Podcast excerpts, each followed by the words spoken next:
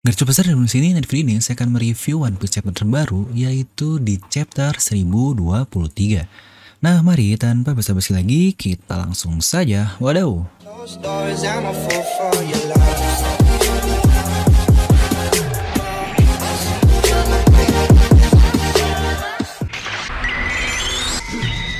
Nah seperti biasa sebelum lanjut ke video ini jangan lupa untuk subscribe dan juga nyalakan bell notifikasinya ya karena kalian tidak akan tertinggal informasi menarik seputar One Piece hanya di channel Devil Nomi.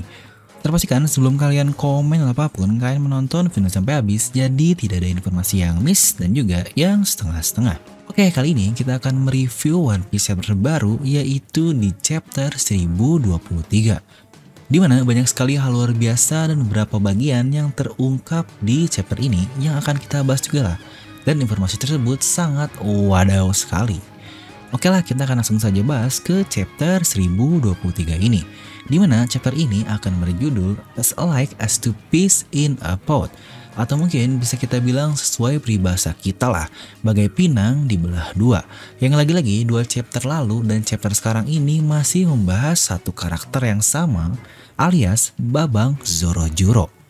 Di mana di chapter ini masih berisi cover requestan yang akhirnya di sini dilihatkanlah teteh Vivi kita di cover story ini yang sedang memegang burung di tangan-tangannya dan Karu terlihat cemburulah melihat hal tersebut.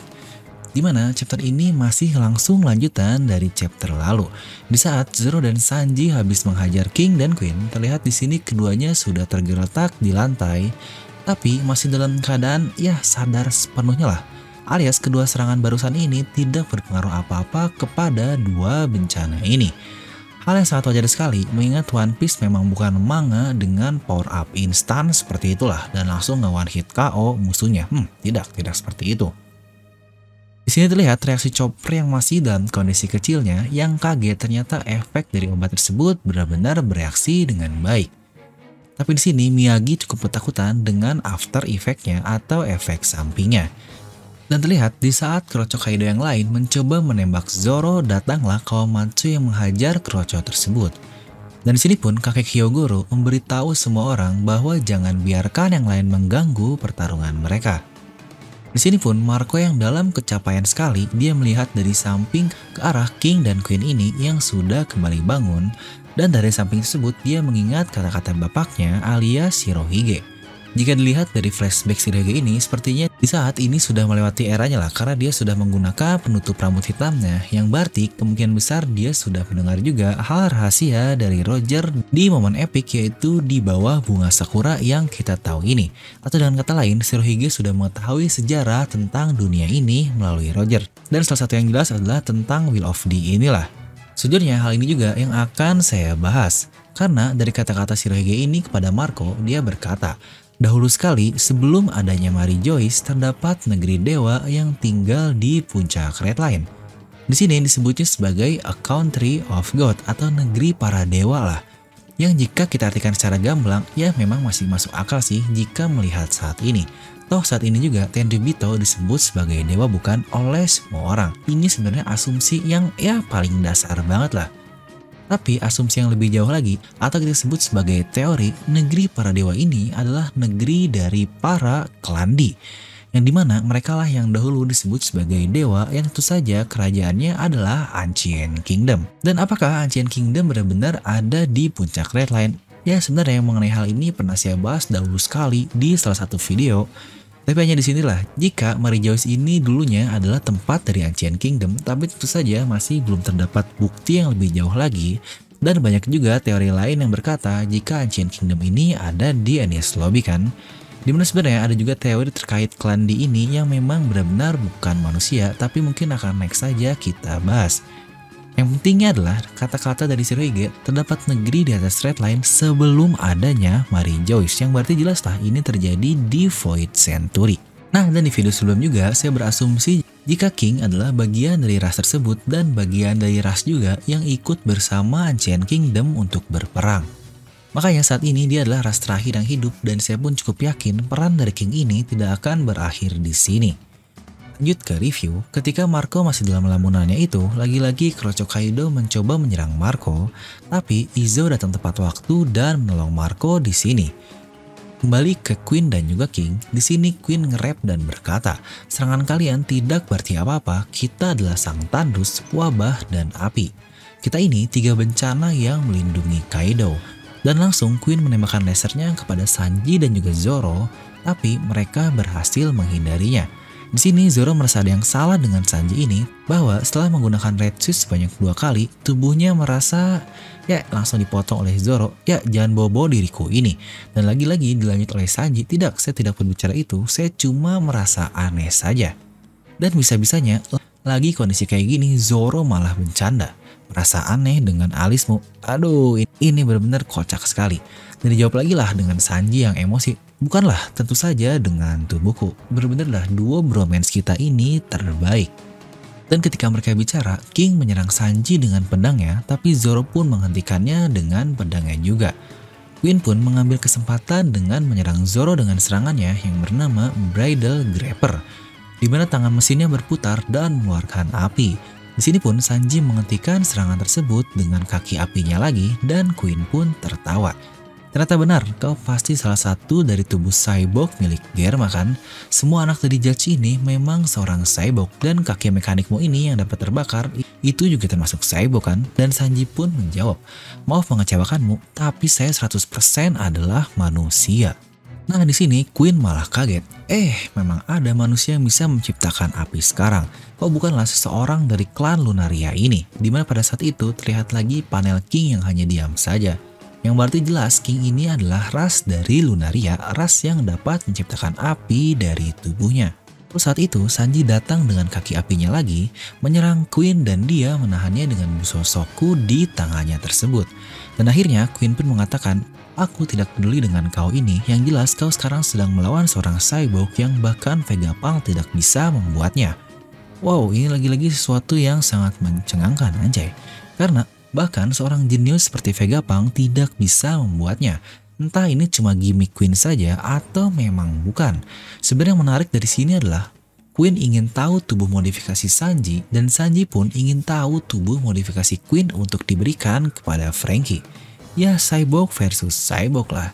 Nah, buat yang nonton video spoiler pasti sudah cukup mengerti juga poinnya di mana nih. Di situ saya berkata dan ini benar-benar terjawab sekali atau persis sekali dengan apa yang saya katakan di salah satu video bahwa tubuh Sanji ini benar-benar modifikasi berhasil dari Germa. Eh, yang akhirnya langsung terkonfirmasi oleh Oda Sensei di chapter ini. Intinya, itu benar. Dan buat yang penasaran dengan videonya, mungkin kalian bisa tonton di video ini ya. Serta satu juga yang muncul di pikiran saya adalah, jika tubuh Sanji ini dibuat dari ras Lunaria King, mungkin racun dari Reiju juga diambil dari Magellan ya, alias untuk ekstrak di tubuhnya itu. Toh banyak juga teori yang berkata jika King dulunya adalah penjaga dari Impel Down dan akan sangat pas sekali jika keduanya digunakan sebagai objek penelitian oleh pemerintahan dunia kan. Toh Vegapunk dan yang lainnya berasal di bawah pemerintahan dunia. Lanjut, di sini Zoro dan King masih tetap bertarung dan tiba-tiba pedang dari King ini berubah menjadi sesuatu seperti pedang mekanik lah. Di mana kedua pedang Zoro tersangkut di pedang King ini dan dia melempar kedua pedang tersebut. Dan saat itu King menonjok Zoro dengan sangat keras sekali, di mana terlihat impactnya benar-benar luar biasa di mukanya itu. Tapi hebatnya, refleks dari Zoro ini dia bisa menahan serangan King dengan pedangnya yang ada di mulutnya itu. Wah ini sih gigi dari Zoro sudah next level sekali, bisa tahan ya. Dan di sini Zoro berkata bahwa gaya bertarungmu benar-benar sangat aneh. Dan King di sini menjawab kita tidak butuh gaya bertarung yang pasti di sebuah pertarungan kan? Dan memang benar sekali. Bahkan Zoro pun setuju dengan pernyataan King ini dan melanjutkan. Benar juga, kau tidak pernah menyebut dirimu sebagai seorang pendekar karena di page selanjutnya kita lihat dia menggunakan pedang sambil menendang Zoro. Ini benar-benar gaya bertarung yang sangat unik sekali. Zoro pun kembali mengambil kedua pedangnya tadi dan berkata, Jika memungkinkan, aku akan memenangkan pertarungan ini dengan cara menggigit lehermu dan menghancurkan tenggorokanmu. Karena saya tidak boleh kalah bagaimanapun caranya. Oke, ini akan menjadi foreshadow yang unik dari Oda Sensei, bagaimana cara Zoro akan mengalahkan King dengan cara menghancurkan tenggorokan itu. Lalu di sini, Hyogoro dan Kawamatsu yang melihat Zoro dan King pun, di situ Kawamatsu berkata, bahwa Zoro adalah pendekar yang sangat hebat, terdapat alasan juga kenapa saya tidak bisa menghentikan Hiyori memberikan Enma kepadanya. Dan kakek Kyo pun melanjutkan, memang masuk akal karena itu mengingatkanku kepada daimyo dari Ringo alias Shimotsuki Ushimaru di waktu mudanya. Bahkan gaya bertarungnya pun sama persis. Di sini sebenarnya kata-kata yang cukup dapat di-highlight adalah di waktu mudanya yang berarti sekarang sudah tua dan dia masih hidup kali ya. Ini bisa kita bahas nanti. Lanjut, dia pun berkata bahwa Zoro mengembalikan pedang Susui ini, pedang legendaris milik Shimotsuki Ryuma ke Wano Kuni itu pasti sudah menjadi takdir untuknya.